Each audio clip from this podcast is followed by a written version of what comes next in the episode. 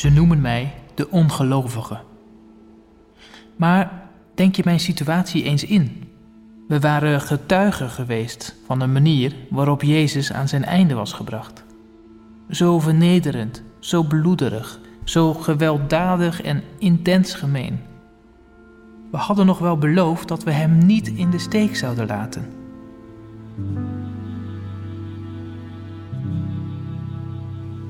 Ja, ik heb zelfs op een goed moment gezegd, dwaas die ik ben, nou dan gaan we toch met z'n allen naar Jeruzalem om daar met hem te sterven. Daar is dus mooi helemaal niets van terecht gekomen.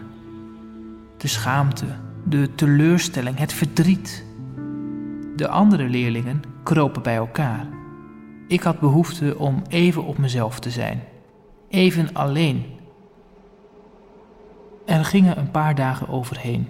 Toen kwamen ze me opzoeken, volkomen opgewonden. Hij leeft, we hebben hem gezien, hij leeft.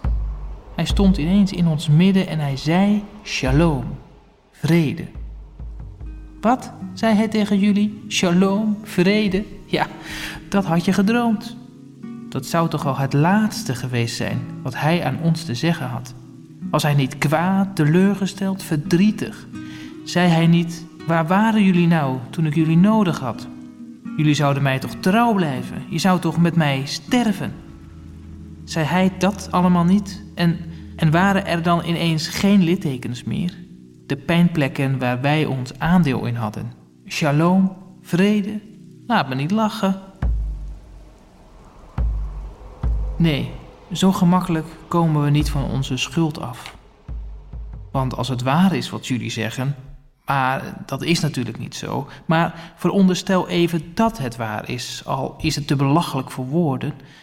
Want als het waar zou zijn wat jullie zeggen, dan, dan, dan zou er aan ons gebeuren wat alleen van de Almachtige, gezegend zij zijn naam, wat alleen van de Almachtige wordt verteld in de heilige boeken.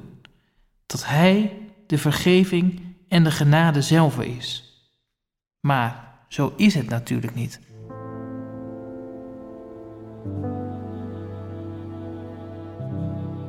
Laat ik je dit zeggen.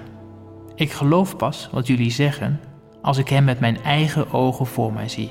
Compleet, met zijn littekens, de pijnplekken die wij hem hebben aangedaan. En ja, dat ik bij wijze van spreken met mijn eigen vingers die pijnplekken kan voelen. En dat hij dan tegen jullie en tegen mij zegt: Shalom, vrede. Maar zo mooi zit de wereld helaas niet in elkaar.